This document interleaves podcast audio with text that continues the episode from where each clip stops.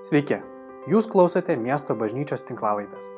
Pamokslas, kurį netrukus išgirsite, buvo įrašytas sekmadienio pamaldų metu. Meldžiame Dievo, kad Jis kalbėtų jums per šį pamokslą. Gera žinia neramiam pasauliui. Šiandien ketvirtoji dalis šito pamokslo ciklo, kuris gimė mums prieš keletą mėnesių, kai mes su vyresniaisiais kalbėjome apie Dievo karalystę ir kaip mums svarbu, kaip tikintiems žmonėms suprasti, kaip ta Dievo karalystė pasireiškia mūsų gyvenime. Ir praeitą savaitę Tomas pamokslavo apie Jėzaus tarnystę, išgydant žmonės, kad vienas iš ženklų, atnešant karalystę, apie kurią Jėzus sakė, štai ji yra tarp jūsų, ji priartėjo, prisertino, atgailaukit. Apie tą karalystę Jėzus pamokslavo, bet jis taip pat parodė ir savo galę išgydyti ligonius. Ir šiandien kalbam apie varginamų žmonės, kurie yra varginami pikto, kad jie bus išlaisvinti.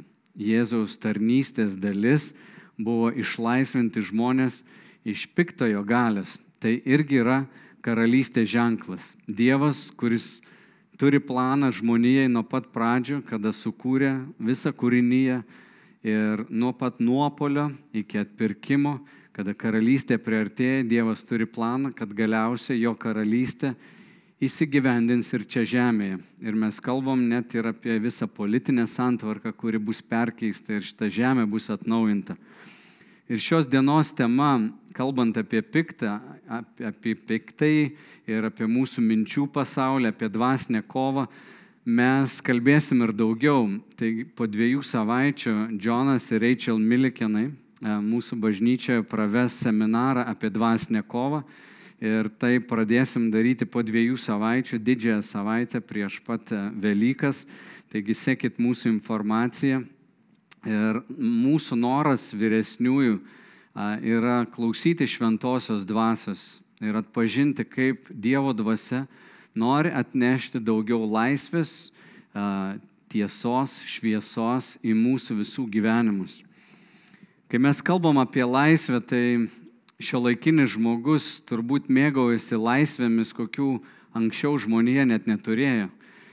Timas Kelleris, vienas mano mėgstamiausių pamokslininkų savo knygoje Kaip suprasti Dievą, sako, kad laisvė yra viena ryškiausių ir labiausiai ginamų vertybių moderniame pasaulyje.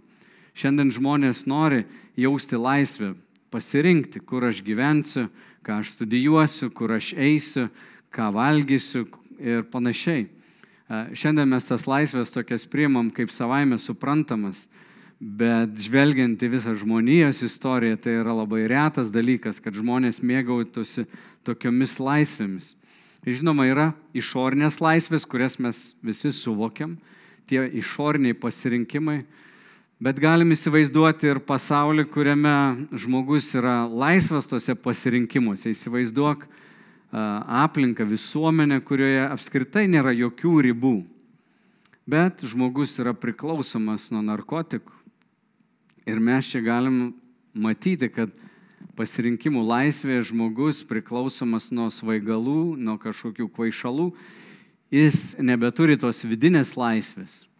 Ir nežiūrint to, kas vyksta išorėje, kiek yra pasirinkimų, žmogus gali išgyventi nelaisvę savo viduje. Kai kuriem iš mūsų gal tai yra nepažinta patirtis, būti priklausomai nuo kažkokių svaigalų, bet galim įsivaizduoti priklausomybę ir nuo nerimo, ir nuo baimės, ir nuo kalties jausmo, nuo gėdos jausmo, nepilnavertiškumo ir kiti dalykai, kurie neleidžia mums jaustis laisvais, neleidžia mums gyventi taip, kaip mes norėtumėm. Gal norėtumėm džiaugtis, o išgyvenam depresiją, gal norėtumėm linksmai uh, juoktis ir būti laisvi tarp žmonių, o esame pilni kompleksų viduje, ką kiti apie mus pagalvos ir jaučiame vergystę, kad aš negaliu būti savimi.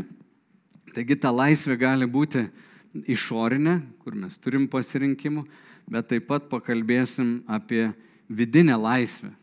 Ir vidinė laisvė jau yra mums toks artimesnis turbūt suvokimas, nes laisvė iš išorės mes mėgaujamės, šiuo metu karantino atveju mums ji yra apribota, bet vidinė laisvė nėra kiekvieno žmogaus patirtis ir netgi krikščionių.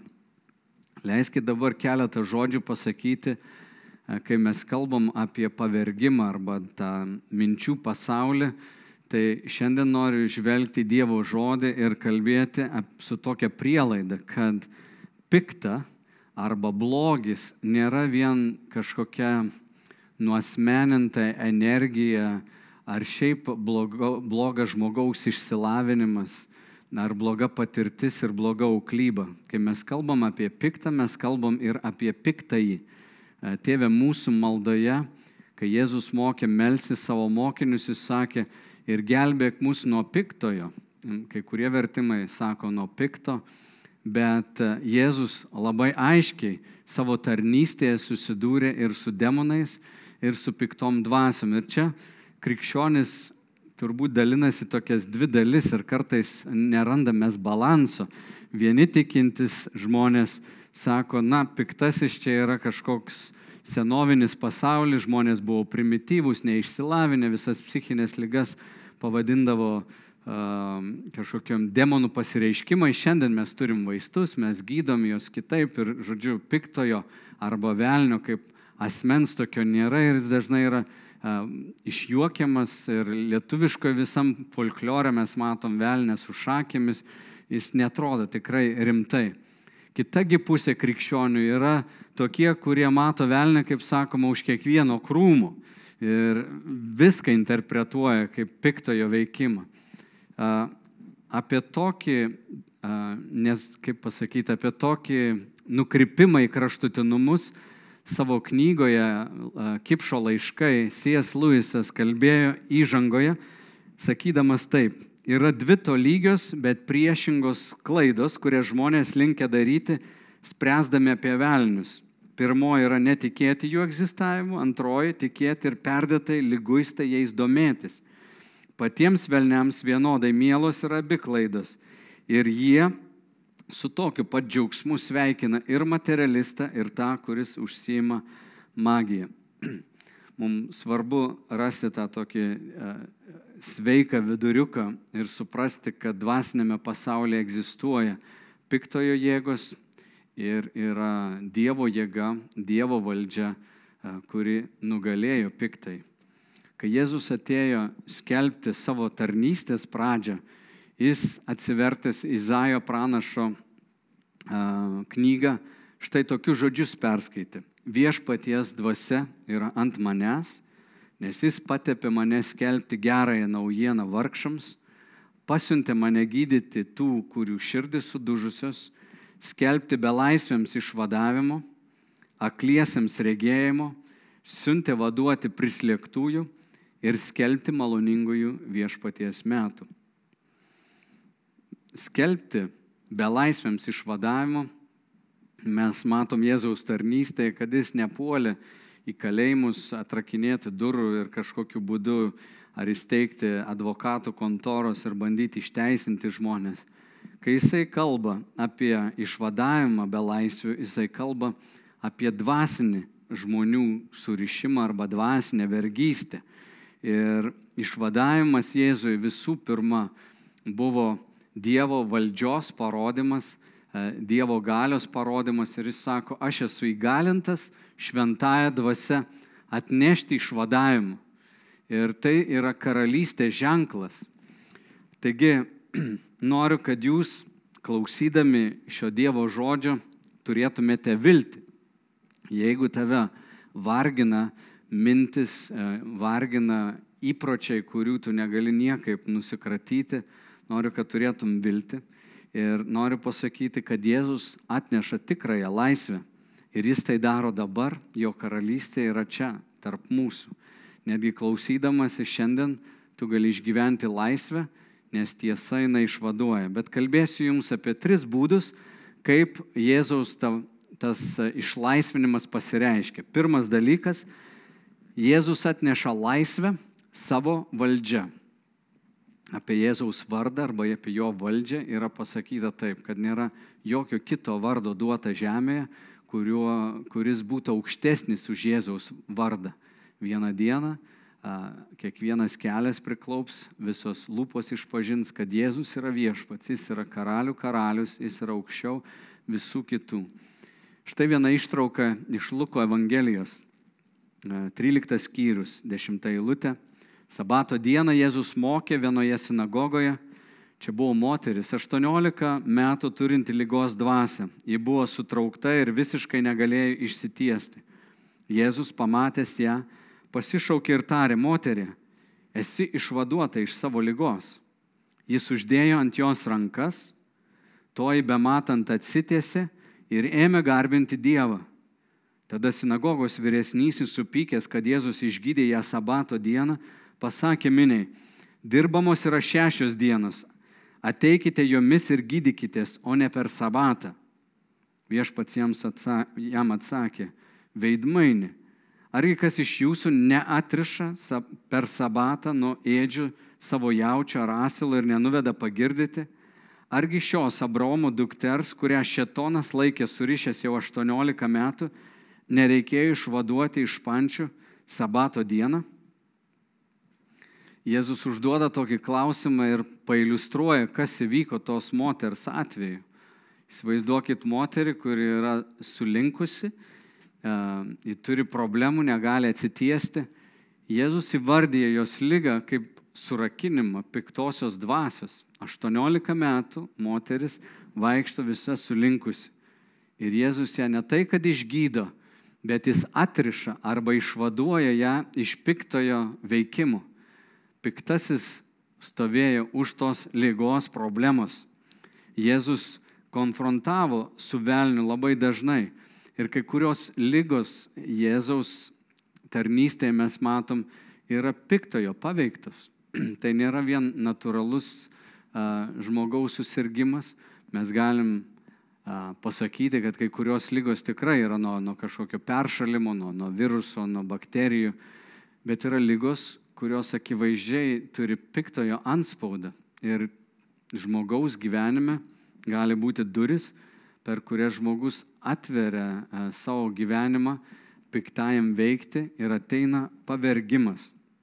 Jėzus išvaduodamas žmonės parodė Dievo valdžią. Jis turėjo Dievo valdžią ir kai kurie fariziejai pamatė tokią galę, kaip jis išvaduoja žmonės iš piktų dvasių. Ir egzorcizmas nebuvo kažkoks naujas dalykas. Jėzaus laikais buvo nemažai egzorcistų, kurie naudoja įvairius metodus, kaip atsikratyti piktųjų dvasių. Animalistinėse kultūrose žmonės naudoja šiaip visokius burtininkavimus ir, ir, ir visokius užkeikimus, kaip apsisaugoti. Jėzus ateina ir rodo absoliučią valdžią išvaduodama žmonės. Ir kai kurie fariziejai pamatę tokį jo veikimą, pradeda jį kaltinti ir sako, tu tai darai Belzebulo vardu, tai yra demonų kunigaikščio vardu. Ir Jėzus jiems aiškina, ne, ne, ne.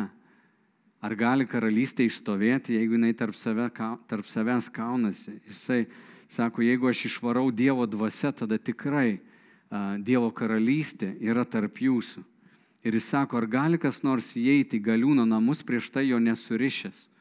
Jėzus čia kalba apie a, galę susikauti. Ir jis parodo, kad jis turi valdžią, jis turi galę ateiti į žmogaus gyvenimą ir išvaduoti jį iš piktųjų dvasių. Žmogus pats dažnai negali išeiti. Tas, kuris yra kalėjime, kuris yra pavergtas savo jėgomis, jis negali išsivaduoti. Bet Jėzus turi tą galę. Taigi pirmas dalykas, jis atneša laisvę savo valdžią dvasinėme pasaulyje Jėzaus vardas turi valdžią. Antras dalykas, Jėzus atneša laisvę savo tiesą. Tiesa tikinčiajam nėra šiaip abstraktus dalykas.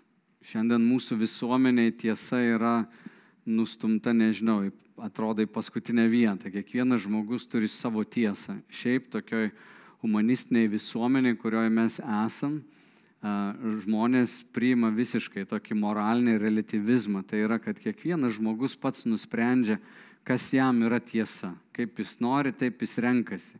Jis yra laisvas, aš galiu nuspręsti, ar aš vyras, ar aš moteris, ar aš baltas, ar aš juodas, ar aš darysiu tą, ar darysiu aną. Žmonės šiandien renkasi, bet Jėzus kalba apie tiesą, kuri yra objektyvi e, tiesa įvardinti tikrovę, kurioje mes esame. Mato, tiesa yra toks ryškus dalykas. Jeigu žmogus įtiki kažkokiu melu, tai paveikia jo emocijas, netgi šiandieniniai situacijai. Kai kurie žmonės yra išsigandę koronaviruso. Jeigu žmogus yra įtikėjęs, kad mano imuninė sistema yra prasta, jeigu aš pasigausiu šitą virusą, aš turbūt mirsiu. Jam tai kelia nerima, jisai keičia savo elgesį, jisai saugosi, bet ne tik, kad natūraliai saugosi viruso, bet jis išgyvena gilų nerimą dėl savo tokio tikėjimo. Kitigi žmonės tiki, kad jie yra sveiki, jie turi gerą imuninę sistemą, galbūt jie yra kito amžiaus, jie yra pakankamai atsipalaidavę. Irgi gal atsargus, klauso, ką valdžia sako, bet jų tikėjimas verčia juos jaustis visiškai kitaip. Jie nejaučia tokios įtampos. Kuo mes tikime, kaip mes tikime, yra labai reikšmingas dalykas. Jėzus sakė, jūs pažinsite tiesą ir tiesa išlaisvins jūs. Dabar, kai mes žvelgiame į aplinką, mes visi per savo filtrą matom tą tikrovę, kurioje esame. Ir pažinti tikrovę yra rimtas iššūkis. Pažinti tikrovę, žinoti, kas vyksta. Ne vienas negalėtum taip laisvai ateiti ir pasakyti, aš matau pasaulį tokį, koks jis yra. Taip ne visai galėtumėm pasakyti. Mes turime filtrus tam tikrus. Kiekvienas iš mūsų turėsime bėdų dėl neteisingo tikėjimo, ypač jeigu tai liečia mus ir Dievą.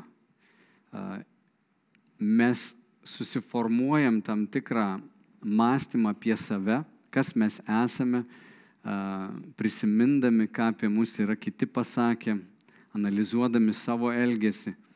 Dievo žodėsgi mums pateikia irgi tam tikrą tikrovę, kas mes esame Dievo akimis. Lygiai taip pat e, žvelgdami į Dievą mes galime turėti neteisingą supratimą apie tai, kas jis toks yra ir tai labai stipriai paveiks mūsų elgesį. Jeigu žmogus yra įtikėjęs, kad Dievas yra piktas, kad Dievas skaičiuoja visus mano darbus, jis gali būti labai toks atsargus ateiti prie Dievo, gali labai slapstytis nuo jo. Iš kitos pusės, jeigu žmogus įtiki, kad Dievas yra mylintis, geras ir jis patiki Dievo meilę, jisai labai nuoširdžiai ir paprastai artinsis prie savo mylinčio tėvo. Taigi, mums kaip tikintiesiam labai svarbu pažinti tiesą, kuri yra užrašyta Dievo žodį ir interpretuoti netgi tikrovę, kurią kurioje mes esam, savo vidinį pasaulį, lygindami jį su Dievo žodžiu. Ir čia galima būtų duoti įvairių pavyzdžių. Aš šiandien norėčiau, kad jūs pasiklausytumėte Svetlanos liudimo, kuris visai neseniai įvyko, apie mintis, apie ką ji išgyveno visai neseniai savo minčių pasaulyje. Paklausykit. Ši mano istorija prasidėjo gana nesenai, prieš septynius mėnesius, kai mane vis dažniau aplankydavo niūrios mintis apie mane pačią. Man ateidavo tokios savi, žemos savivertės jausmas, kad aš niekam tikusi, kad man niekas nepavyks kad manęs niekas nemyli. Ir iš tiesų, ką bedaryčiau, darau viską blogai.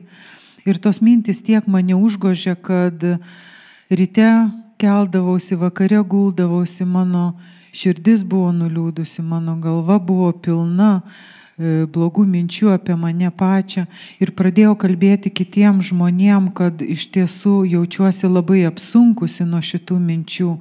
Labai žmonės nustebdavo, nes iš esmės esu gana pozityvus žmogus.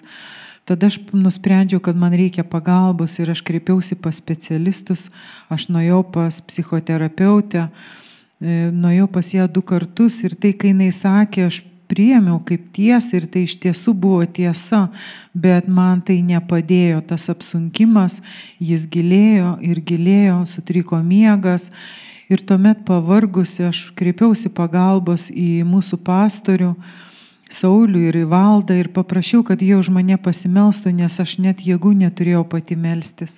Tuomet mes kartu sustojom, meldėmės. Ir aš išstojau prieš piktai, išstojau e, Jėzaus Kristaus vardu sakydama, kad aš nepriemu iš tavęs minčių, aš nepriemu blogų minčių apie save, aš netikiu tuo, kad tu man meluoji. Ir tuomet iš tiesų atėjo tokia laisvė. Aš dėkojau Dievui, aš dėkojau maldoje, aš džiugavau ir atėjus šitai laisvėje aš ir dabar jaučiu tokį džiaugsmą širdį ir tos mintis bando mane aplankyti, jos bando e, atimti ramybę mano, bet aš žinau, kaip kovoti prieš jas. Aš vėl melžiuosi, aš vėl išstoju Jėzaus Kristaus vardu, aš nepriemu šitų minčių ir prašau, kad Dievo dvasia kalbėtų man apie savo meilę, apie tai, kas aš esu Kristuje, kad primintų man tas rašto vietas, kurios stiprina mane šiandien. Ir ta iš vienu tokiu mm, minčių būtų, kad aš visą galiu Jėzuje Kristuje, kuris mane stiprina. Ačiū Svetlana. Netgi tikinčiajam krikščioniui, kuris ilgą laiką galbūt jau yra savo dvasiniai kelioniai, ta kova, dvasinė kova, jinai bus susijusi su mūsų mintimis. Ir autoritetas dvasinėme pasaulyje niekada nebus mūsų pozityvios mintis, kovojant su piktojo mintimis, bet tai bus Dievo žodis. Ir krikščioniui yra privaloma žinoti Dievo žodį, nes tik Dievo žodis turi tokį autoritetą, ir yra mūsų kaip žibintas arba kelrodė žvaigždė dvasinėme pasaulyje. Taigi Jėzus atneša laisvę savo valdžią, jis atneša laisvę savo tiesą ir Jėzus atneša laisvę savo mirtimi ir prisikelimu. Prieš Jėzui gimstant angelas Marijai pasakė, kad tu pagimdysi sūnų, kuriam duosi vardą Jėzus nes jis išgelbės savo tautą iš jos nuodėmių. Kai mes kalbam apie vergystę arba pavergimą, yra mūsų viena problema - nuodėmė. Nuodėmė yra visa, kas yra daroma prieš Dievo įstatymą, visa, kas netitinka Dievo plano žmogui. Ir nuodėmė yra vergystė. Paštalas Paulius užrašė, kas daro nuodėmę, tas yra nuodėmės vergas Jėzus tą sakė, kas daro nuodėmę, tas yra nuodėmės vergas. Ir ar žmogus žino tos principus, ar jis skaitė šventą įraštą ar ne, tai veikia visiems žmonėms, visai žmonijai. Žmogus, kuris daro tai, kas eina prieš Dievo nustatytą tvarką, jisai pats tampa vergu tos nuodėmės. Ir problema yra tokia dviejopa su nuodėmė. Vienas dalykas yra nuodėmės skola, ir kitas nuodėmės jėga. Skola tai yra kalties našta. Realiai mes nešiojamės tą kaltę už viską, ką netaip esam padarę. Žmogus gali bandyti tą kaltę ignoruoti, ją slėpti, gali teisinti. Daug iš tiesų ir filosofų, žmonių taip bendrai sako, nekreip dėmesio. Aš net pamenu draugą, turėjau mokykloje, kuris sakydavo, ai, aš galiu padaryti bet ką, galiu pavokti, galiu meluoti, sako, aš tiesiog įsidedu keulės akis ir tai ir darau. Ir aš sakau, kaip tu įsidedi keulės akis. Ir jis tiesiog turėjo tokį psichologinį, kaip sakyti, triuką. Jis tarsi užsideda kaukę, kaip jis sakė, keulės akis ir jis eina ir daro kažką, meluoja tiesiai į akis. Nežiūrint to, kad žmogus meluoja ir bando savo sąžinę kažkaip užspausti, jis vis tiek nešis tą skolą už padarytą žalą. Ir iš tiesų tikra laisvė nėra, kad žmogus renkasi, ką nori. Tikra laisvė yra, kai tau nereikia kentėti dėl savo pasirinkimų, dėl pasiekmių už tai. O nuodėmė bet kokia, jinai turi pasiekmes ir žmogus nešiosis kaltę, nešiosis tą gėdos jausmą prieš Dievą. Ir šitą skolą mes nešiojamės ir negalim už ją niekaip susimokėti Dievui. Realiai visi esam bankrotę. Niekas neturi kažkokių moralinių lėšų, kuriomis galėtų ateiti ir pasakyti, štai Dieve padariau septynis gerus darbus, nuplauk mano kaltę. Ne, čia Jėzaus mirtis yra tai, kas sumokėjo mūsų skolą. Jis ant kryžiaus um, buvo nubaustas ir jo šventumas yra mums dovanojamas, jo teisumas yra mums dovanojamas mainais. Jėzus savo valia atėjo ant kryžiaus numirti už mūsų nuodėmės. Ir taip skola yra panaikinta. Žodžiu, jis paėmė mūsų skolą, kad mes būtumėm laisvi. Bet kitas dalykas su nuodėme, kada mes darome nuodėme, nuodėme turi taip pat galę arba jėgą ir ji kaip pavergia, mums tiesiog neina iš jos išeiti. Žiūrėkit, kiekvienas turbūt iš mūsų esam bandę nuspręsti kažką daryti gerai. Na daugiau aš nebeįsižeisiu, daugiau nebepyksiu, daugiau neberėksiu, daugiau nepavydėsiu, daugiau nemeluosiu, daugiau nebūsiu išpuikęs ir nesididžiuosiu prieš kitus bum, žiūri vėl į tą patį įkrintį. Ir jėga yra sutraukama Jėzaus prisikelimo gale. Apaštalas Paulius laiškė romiečiams labai giliai kalba apie tai, kas įvyko ant kryžiaus ir kaip tai veikia mūsų šiandien. Jis sako, žinodami, jog mūsų senasis žmogus buvo nukryžiuotas kartu su juo, kad būtų sunaikintas nuodėmės kūnas, ir kad mes daugiau nebevergautume nuodėmiai. Juk kas miręs, tas išlaisvintas iš nuodėmės. Paulius sako, kad Jėzaus mirtimi ir prisikėlimu nuodėmės gale yra sutraukita. Gundimai ateis, jie bus stiprus, bet krikščionis gali laikyti save mirusiu nuodėmė ir pasakyti, man tai nepriklauso, aš to nepriimu, aš to atsižadu Ir Jėzaus vardu mes turime galę pasakyti nuodėmiai ne ir ta nuodėmės gale mumise yra sutraukita. Jeigu mes nusidedame, mes atgailaujam, bet krikščionis turi neįtikėtiną ginklą Jėzaus vardą ir per jo prisikelimą nuodėmės valdžia yra sutraukita. Todėl kiekvienas iš mūsų, kas esam ar įkritę į nuodėmę, ar kažkokiu būdu atvėrę savo širdies duris, piktajam įeiti per netleidimą, per kartėlį, kažkokius įsižeidimus, per seksualinės nuodėmės. Visa, kas yra nuodėmė, ką tu žinai, kas yra nuodėmė. Dešimt Dievo įsakymų laužimas atveria duris piktajam užimti teritoriją, kuri jam nepriklauso. Jėzus atėjo viešpatauti visame mūsų gyvenime. Jeigu tu įkritai į kažkokią nuodėmę, tu šiandien gali atgailauti, tai yra nusigręžti nuo to.